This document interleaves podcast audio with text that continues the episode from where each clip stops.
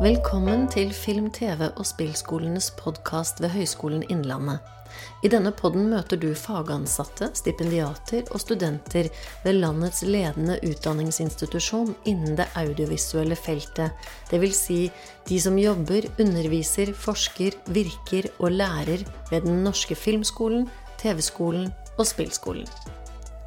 I denne episoden møter du Dalia Al-Khori, som er ph.d.-stipendiat ved Den norske filmskolen. Jeg heter Nina Grünfeldt, jeg er prodekan for kunstnerisk utviklingsarbeid og forskning, og det er jeg som leder samtalen med Dalia. God fornøyelse.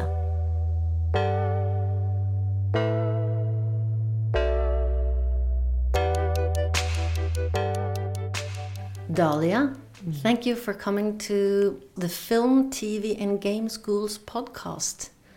This is really exciting, and I, I don't think I have been on a podcast uh, in a long time. Could be my first, but I just listen to so many podcasts, and I don't know if I have been in one or I'm just listening to many. well, the interesting question then would be Will this podcast conversation have an impact on your artistic work? Wow, that's a lot to ask from a podcast. I know. So let's skip that. Okay. So anyway, you are Dalia Al Kury. You are one of the fellow PhD fellows mm. at the film school. Uh, you've been here for a while, and this conversation is going to be about you, who you are mm. as a person, as an artist, as our fellow. Uh, so I'm just extremely curious about your thoughts mainly, of course, about the work you're doing here. Mm. But let's start with you telling us a little bit about who you are. Yes. Well, if I had, I think I, I changed. Do you remember that scene, the caterpillar from Alice in Wonderland, when he asks her, he asks Alice, but who are you?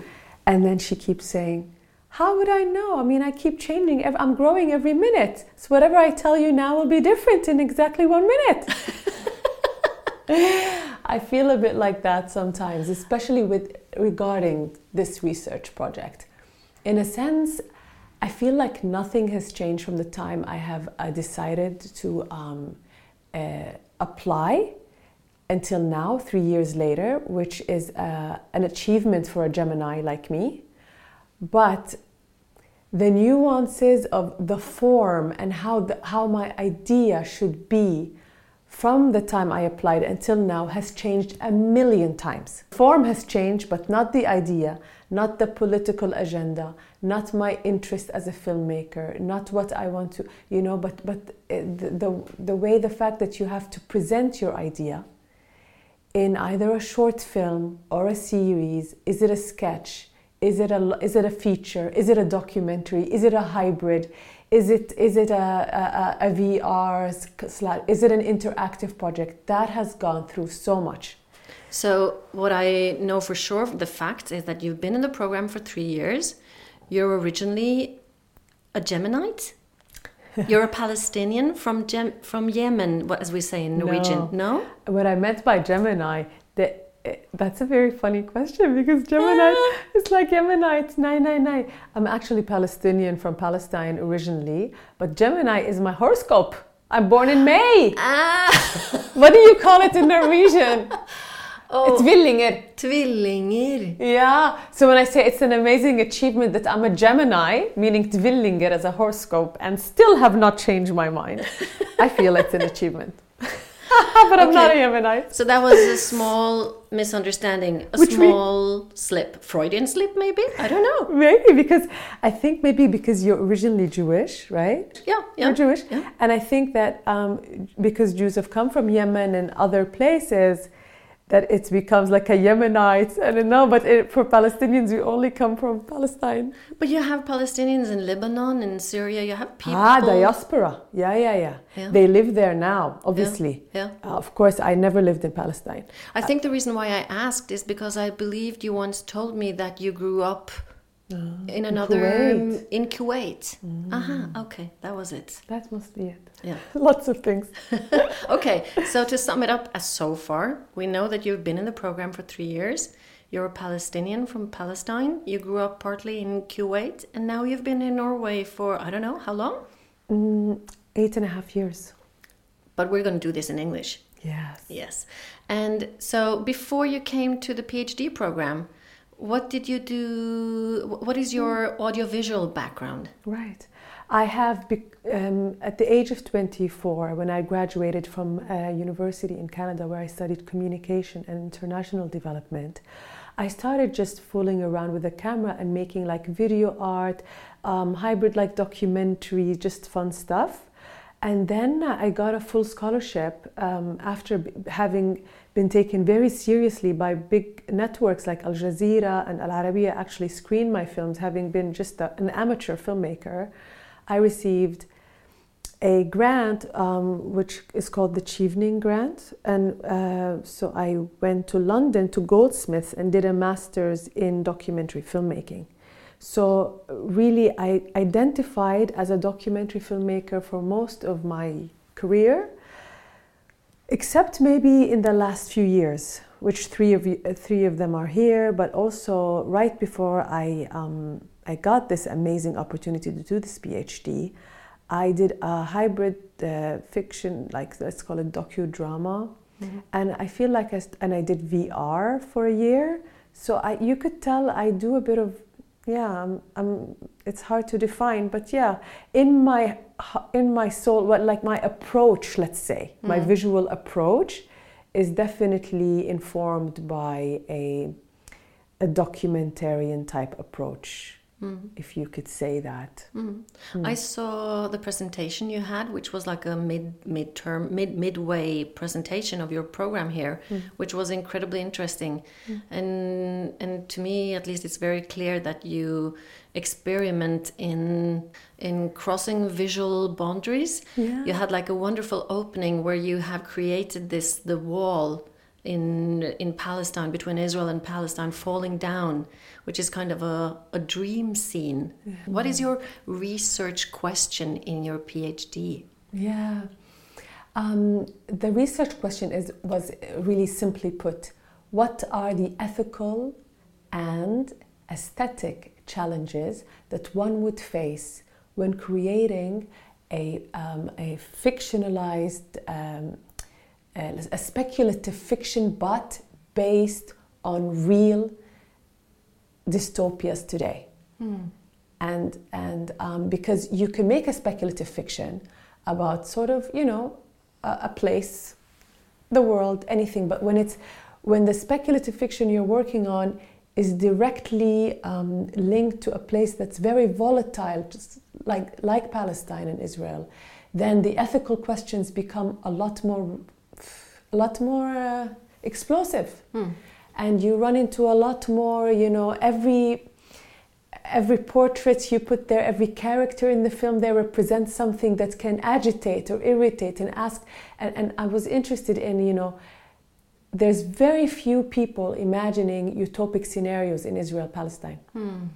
and um, and i never understood why you know the place is quite dystopic. It's it's incredible right now. Uh, always been, mm. and um, I was kind of intrigued by the lack of efforts that both you know sides are doing in the terms of art and in visual to imagine a better place. To actually not just imagine it, but to put it out there as a film. Mm. You know.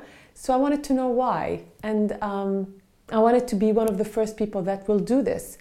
Um, and not because you know I wanted to be the first, but because I really wanted to know, like I really wanted to see Palestine as a free state. Mm. Like I wanted to.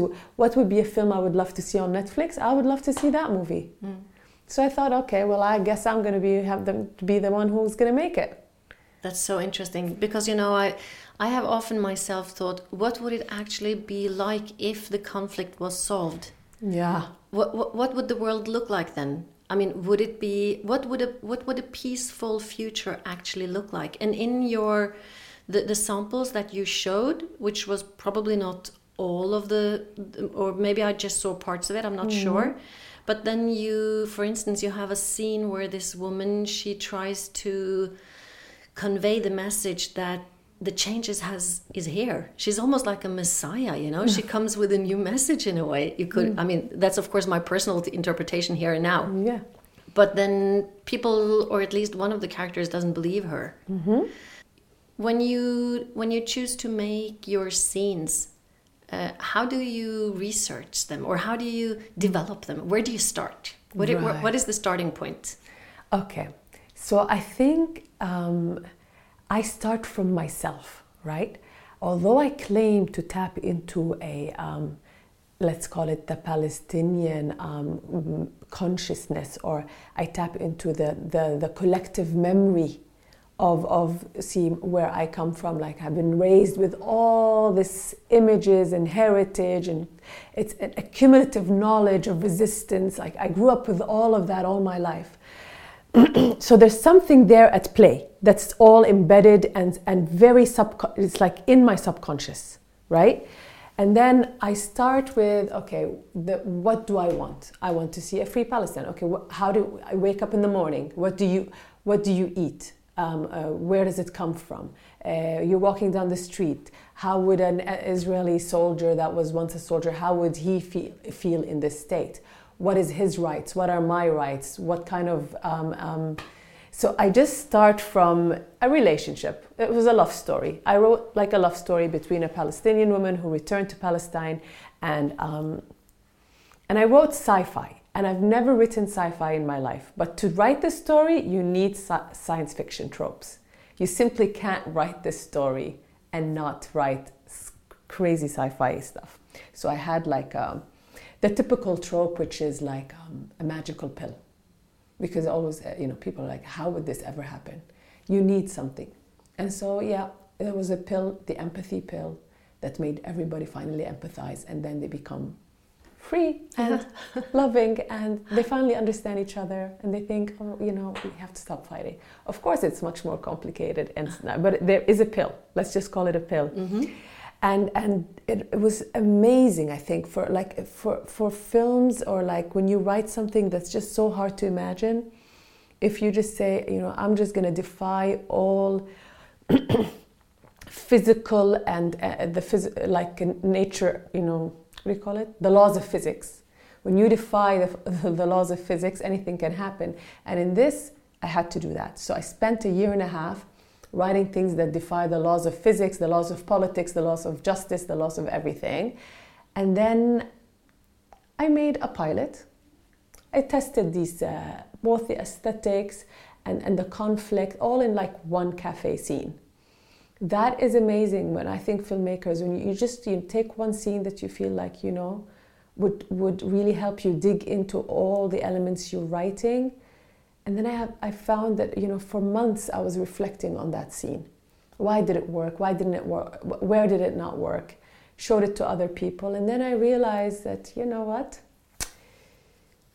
Ah, I'm not really comfortable doing this uh, dialogue and everybody's triggered by every sentence in there even me and like you know the dream of return is so huge and it's like it touches it's the one place where the occupation has not touched it's the dream mm. nobody can touch your dream you know, it's supposed to be a sacred space mm. and then i felt like by by filming this sacred space and manifesting it on screen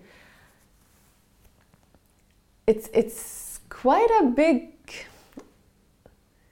I mean, it's quite a, a big claim to say, okay, well, I'm going to summarize all the Palestinian dream of return in a few tableaus. So, and in, in one story. So, I needed to have diversity. So, what I did is I went back to my sci fi script and just completely distilled it like a distillery and took the essence of what each scene really means. So, when you say that you reflected what does that mean concrete it means that you talk to people as you said mm-hmm. it means that you wrote and yeah. rewrote yeah and mostly re-edited and re- and it's like why am i ed- so when i when i edit and i have so many different versions of the same scene in the cafe mm. why does this scene feel like uh, why does this scene work? And then if i write about it a lot of filmmakers are in the hustle and bustle of editing. You have like one week with an editor. You can't afford any more mo- money. You don't have time to reflect. Mm-hmm. you know suddenly you're reflecting and writing and writing and writing and writing and, and, and then you don't get funding for many years and then suddenly you get the funding and everything happens really fast and then you know you're finished and when you're finished you're like poof you go to festivals if you're lucky and i mean the, what the PhD did is that it gave me so much room to say, I'm not going to look for funding for many years now, mm-hmm. maybe three, four years.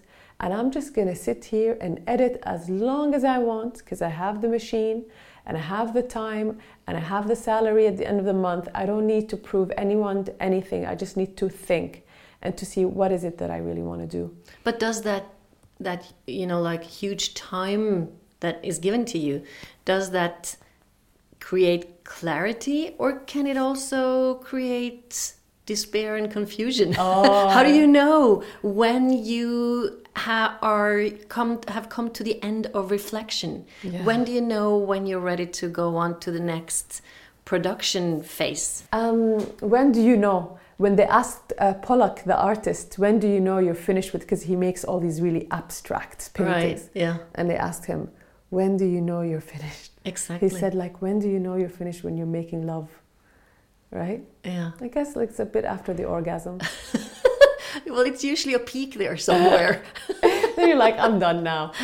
Something like that. And I feel like, you know, um, of course, the, the, or it's not one act of, of love because, I mean, it's up and down, right? I'm making love to this project for so many times.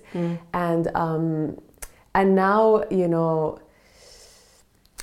I guess I will feel like it's finished when I actually finish the pilot and, mm-hmm. and I look at it and I, and I feel like the sound is finished and the reflection like I mean I've poured my heart out and like I don't have any more to say. Mm. But I think there's also another phase of the reflection that only comes years after or like after it contacts an audience and the audience actually reacts. Mm. And then you sit home and you're like whoa how would I have never thought that this would be what people understand from the scene? And then you go into another reflection, which I obviously will not probably have here because my pilot or my film will not be finished within the four years. But it did, it did uh, meet you, for example. It met many people at the film school, and your comments and, and you know the encounter of my f- pilot with you guys has given me a lot to reflect on. I think that's another phase of reflection that I am about to finish now. Mm. Uh, you know, I, I see your project as deeply personal. It's very political and it's very personal. And to me, that always is always a part of, of projects, both in my own pro- projects, but also in the projects that I like. The films that I like are usually often political and personal. So I'm really thankful for that. I think that's that's actually the reason to make art is to be personal and political. But that's only my opinion.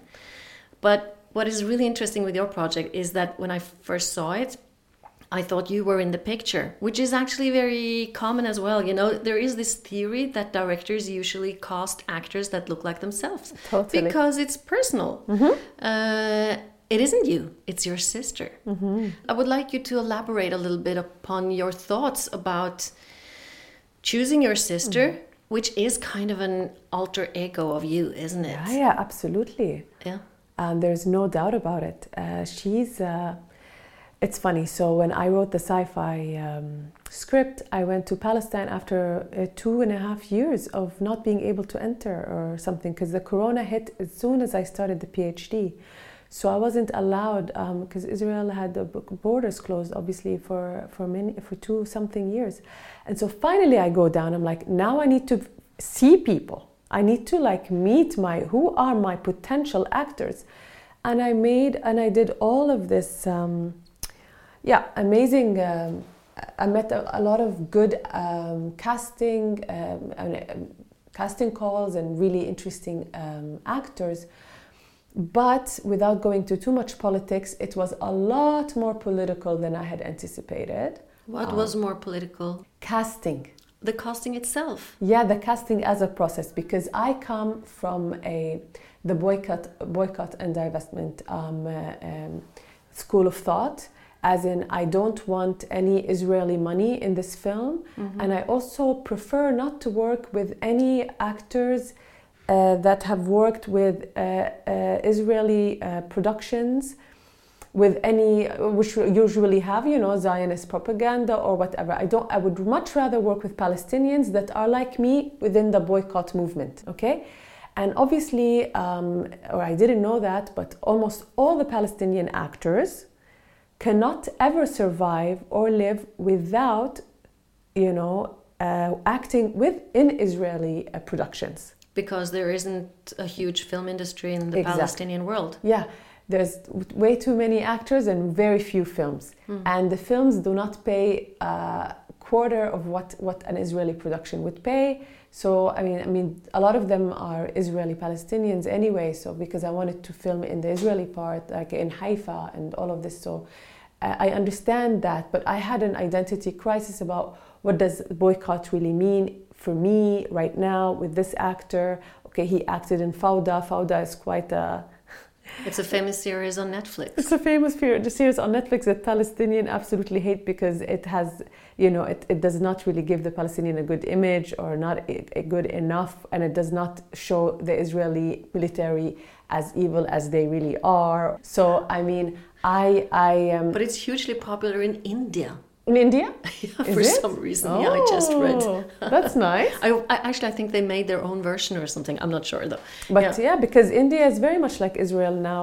It has become an extremely relig- uh, uh, like there's like this religious. Uh, Yeah, uh, Modi is a Hindu. Hindus against Muslims. So I mean, I can understand that the Israelis, uh, the Muslim versus Jewish, would really appeal to the Indian context right now. It's Yeah. become a, quite a racist country. Yeah, that's true. And um, and so uh, yeah, so I I went home and I was kind of disappointed because I did not really fully connect with any actor. And if I want to do this personal film, I really needed to connect a bit more.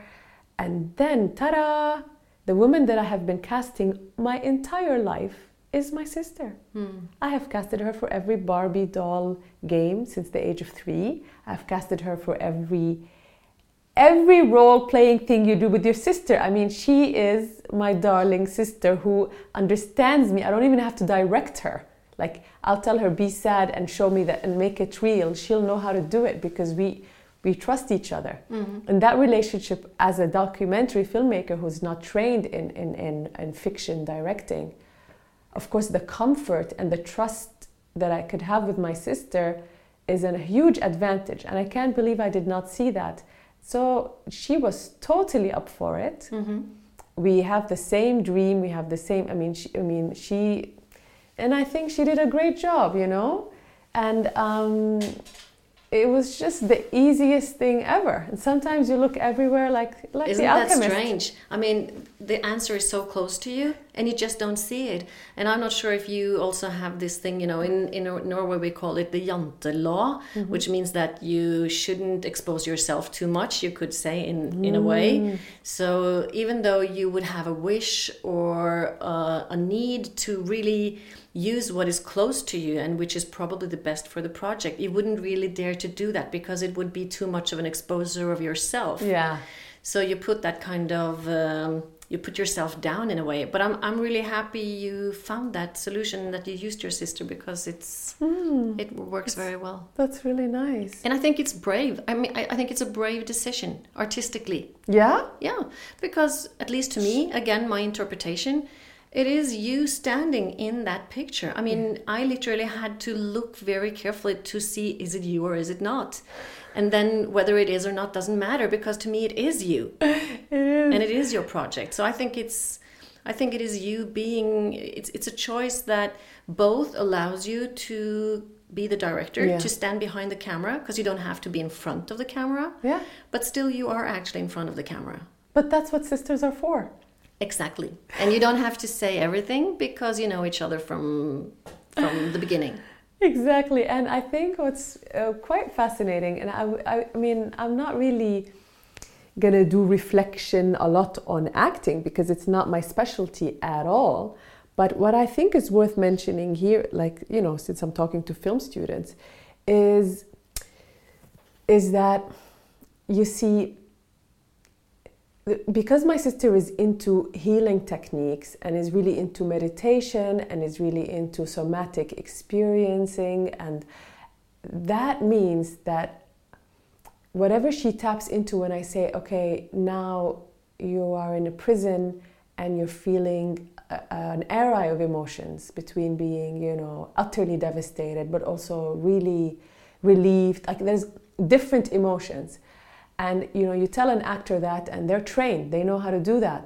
But if you tell somebody who's never acted in their life, like my sister, well, how would they know how to do that? Mm-hmm. But because she is in in sort of you know in the spiritual uh, like spiritually trained right let's just call her that she does uh, all kinds of healing techniques she's able to tap emotionally Mm-hmm. so you don't it's also interesting what i want to say it's also interesting to sometimes find people that are not just actors and not just the regular what do you call it kind of what do you call that technique of just using non-actors but also to use non-actors that are I think we, we could tap a lot into the spiritual people for act for actors. They they do a very interesting job from an embodied experience that is less less fake or whatever than acting. If Yeah, I probably you have a you have a special language with her that uh, that you can use when you don't have the other language, which Mm. would be maybe the trained director's language of fiction. You know, where we often talk about the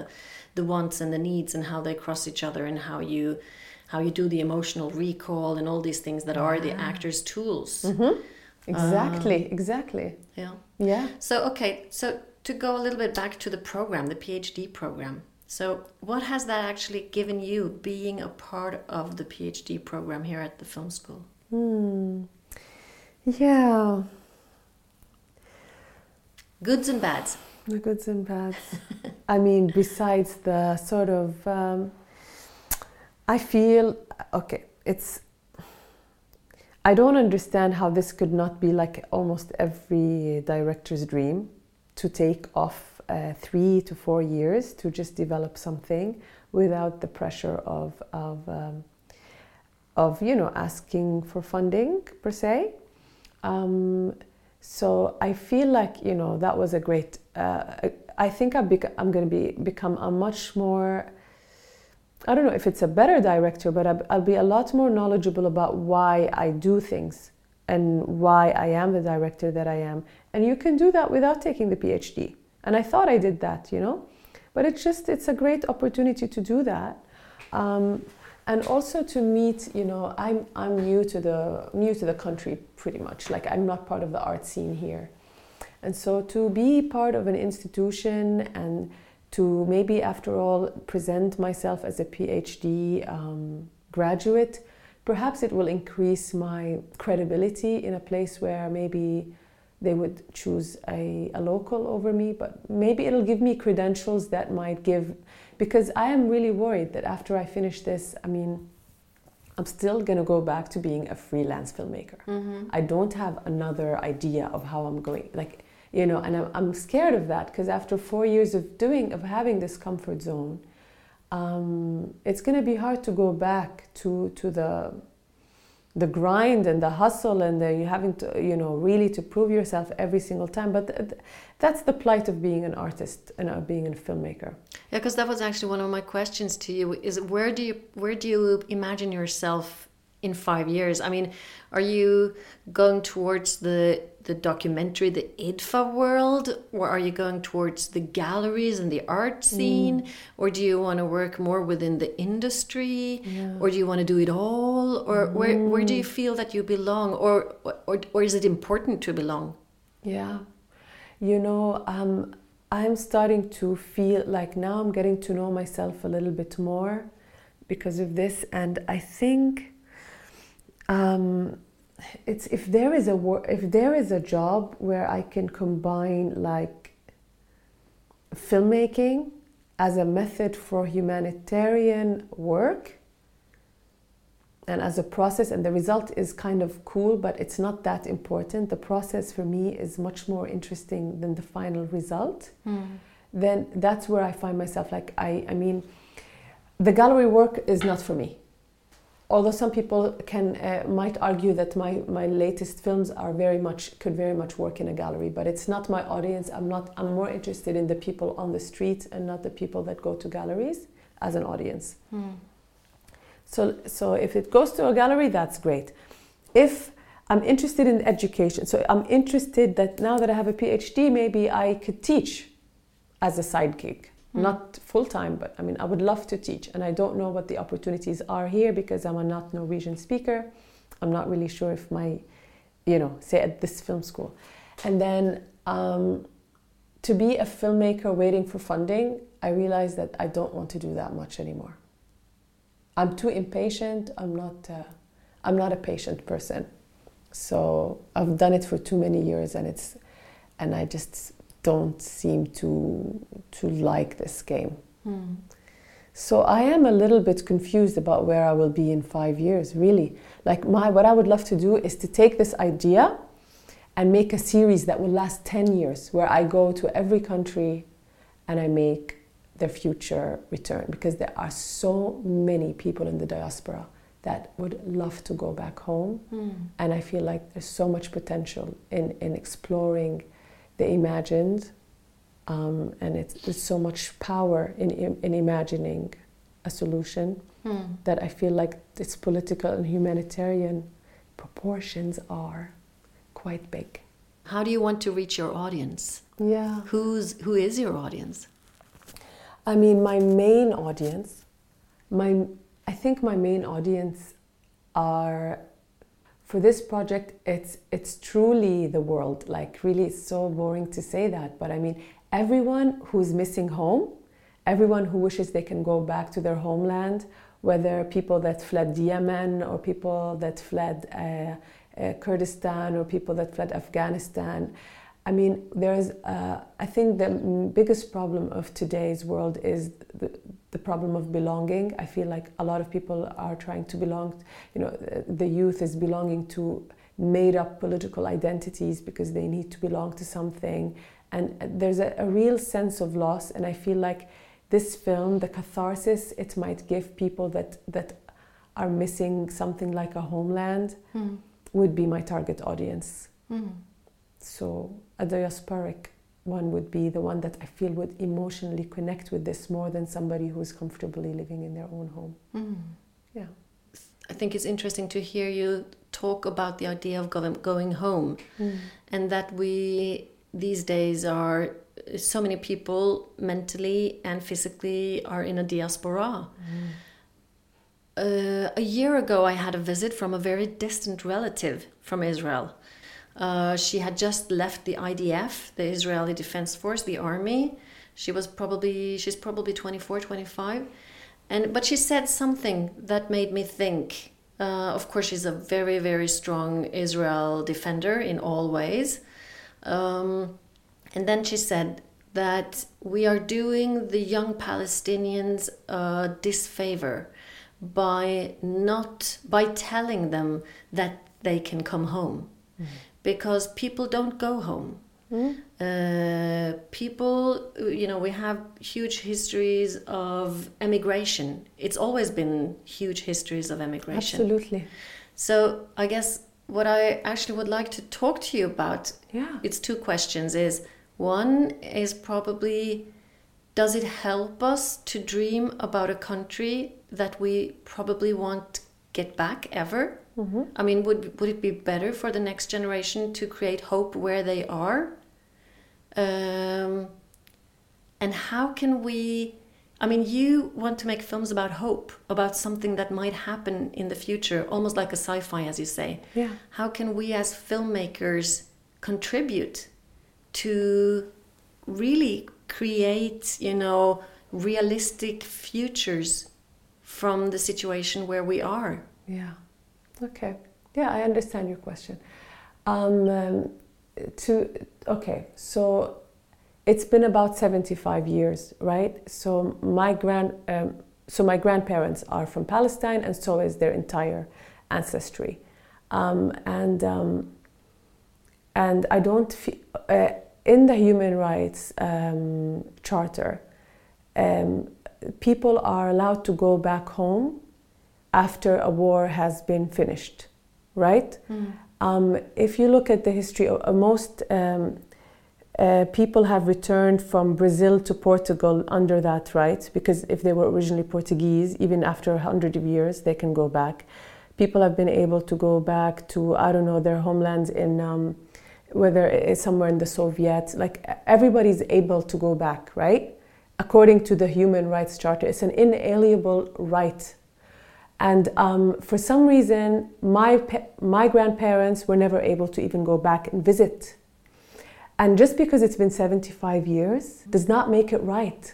When something is wrong, the more the people tell you that you're not allowed to go in, the more you want to go back. I've never felt home anywhere. Never. Not in Jordan, and not in Kuwait, and not in Canada, not in Norway. I have never felt, I don't think my parents ever felt home anywhere. We were always not from home. My grandparents died with a heartache because they were never able to go back home. So for me, the idea that, that we are supposed, that this is a, some sto- stupid dream does not make it right because somebody thinks they're more powerful than us and because they, you know. So for me, it's, it's completely sci-fi that the right of return has not been given to us. Mm. And, and what is right and what is actually should be reality is that we are supposed to go back just like any Jewish person is able to come from a place in somewhere in Africa who's never been to Israel and claim within minutes that they become Israeli. I don't understand the the way that this world works and I don't want to understand it. And my films are a rebellion against this kind of against this kind of logic that makes this actually tolerable or right in, in terms of, of international law. So when I make this film and I'm imagining my return, I don't think it's unrealistic. I think what's unrealistic is what's happening now. And, and so that's one, one part of the question. And I'm mm. sorry I'm crying, but actually I don't apologize because I need to vent out this anger that is no, there's nothing that can finish this anger unless we have the, confirmation, the, the right actually being given to us. It's a very small ask. If they are able to get people from uh, refugees from Ukraine now and giving them, uh, I don't know, pretending to be hu- all humanitarian with the Ukrainians, I think they can bring some uh, uh, Palestinians back. Not only because of that, because if you study the land, there is enough space, there's enough room for all of us. Obviously, not the 9 million people will come back. Obviously, there are many people that are now settled in Chile, they're settled in all kinds of countries.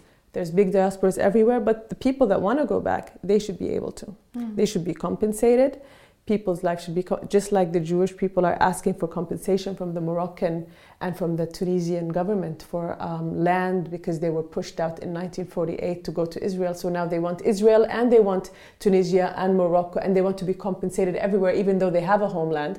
I think we're allowed to actually go back. Do they get compensation from Tunisia and Morocco?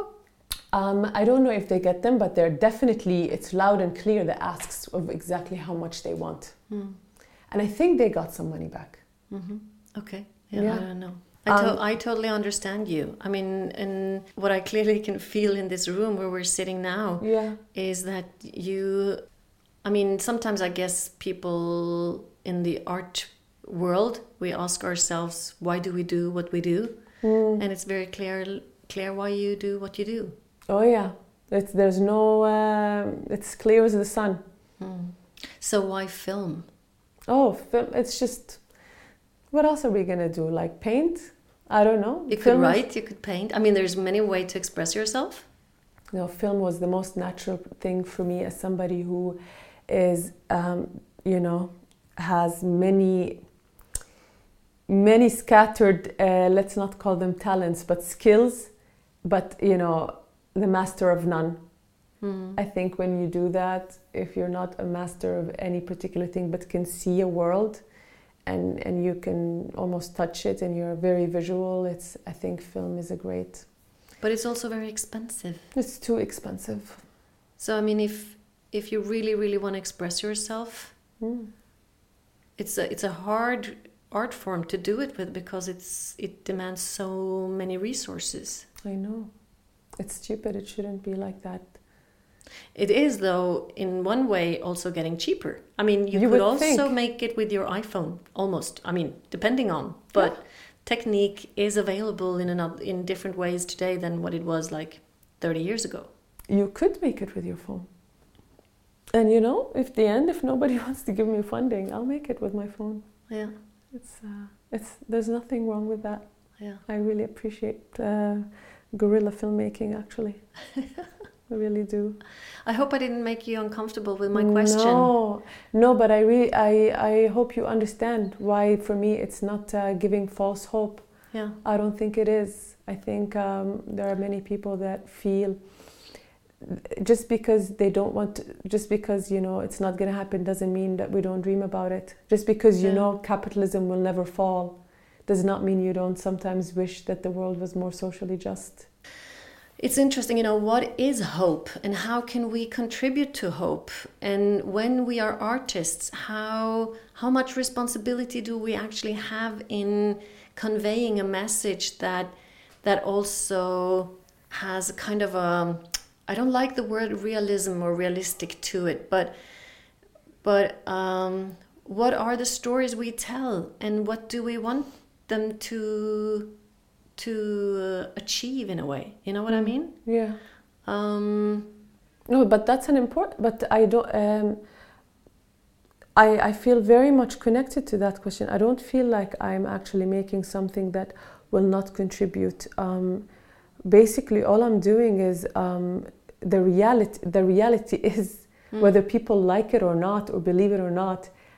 Every Palestinian dreams of return. So if we can't make a film about it, then I don't know who are we serving. mm. if you compare it to some parts of the jewish uh, culture uh, having a common history like for instance the holocaust is a huge part of jewish modern identity Yeah. how much is the nakba and the which is the, the, the, the palestinian catastrophe that happened in palestine in 1947 Eight. 1948.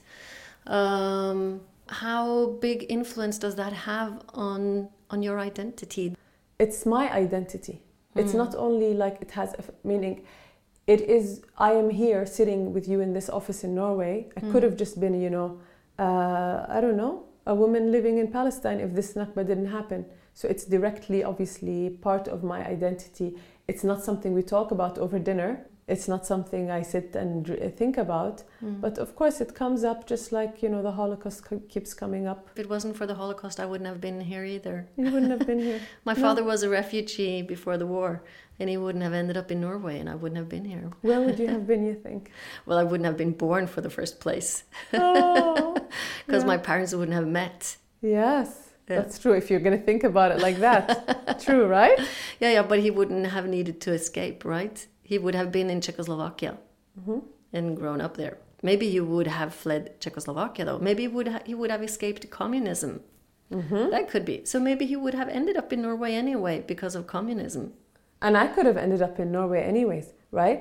But that's the that's the easy part. It's all the suffering that happens in between. that's uh, that's the big deal. But who cares? I could have been born anywhere. And for me, what's really, really, really important that people understand that it's not about national. Like for me, I don't care about borders per se. In fact, I prefer that there are no borders whatsoever and that people can live wherever they find it comfortable. Mm. right? But since there is borders and there are countries and there are nation states, Mm. then we have to, you know, we work within these parameters. I can't make complete fantasy yet. I'm not making my film set in the moon yet. Mm. And then there is, uh, you know, um, and and yeah, there's not much to say actually after this. now that I'm in the moon. So let's round it up, Dalia. Yeah, yeah. Thank you for coming and having a conversation with me and for being so generous with No. your story and with your feelings. Yeah, thank you. I don't know how to do it otherwise. it's not like I have a, a different. I, I speak like exactly how I how I think. Yeah. So let's uh, let's see what's gonna happen with this. And thank you so much for the interesting and uh, and uh, tough and uh, questions. Uh, it was nice. I'm having like a terrible day in general with. Uh, with the Norwegian Film Institute not being sure if they're going to give me money because I don't check all the cultural uh, asks. So I'm not happy today. The life in diaspora. Yeah. Yeah. Thank you, Dalia.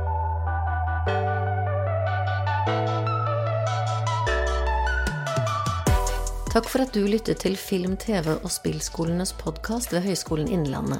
Klikk gjerne abonner i din foretrukne spiller, og du vil motta beskjed når neste episode blir publisert. Og føl deg for all del fri til å dele denne podden med alle du kjenner.